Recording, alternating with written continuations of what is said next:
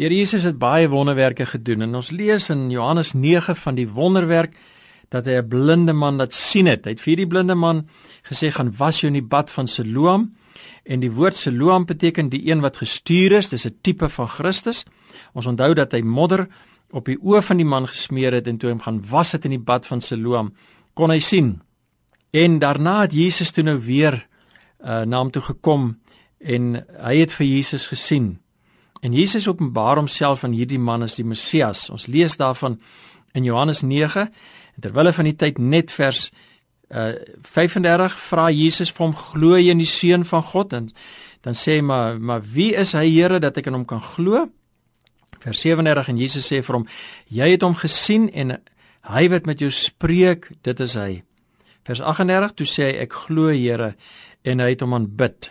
En toe sê Jesus in vers 39: Tot 'n oordeel het ek in hierdie wêreld gekom sodat die wat nie sien nie mag sien en die wat sien blind mag word. En Here Jesus gebruik hierdie beeld.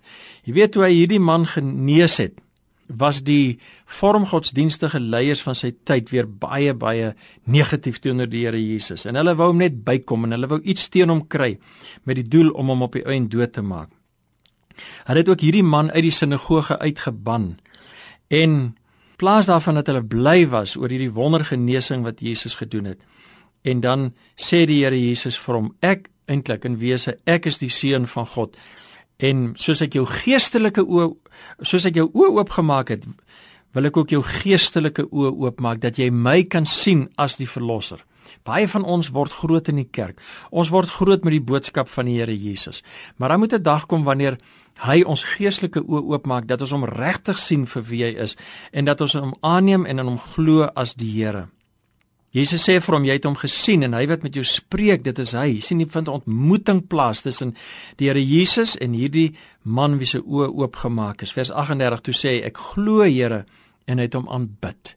Het daai oomblik al met jou gebeur dat dat die Here jou geestelike oog oopgemaak het dat jy Jesus regtig kan sien vir wie hy is? Vra vir hom as dit nog nie gebeur het nie. Here, maak my geestelike oog oop dat ek U kan sien. In vers 39 sê Jesus, ek het tot 'n oordeel in die wêreld gekom. Jesus se koms na hierdie wêreld bring skeiding. Mense wat in hom glo of mense wat hom verwerp.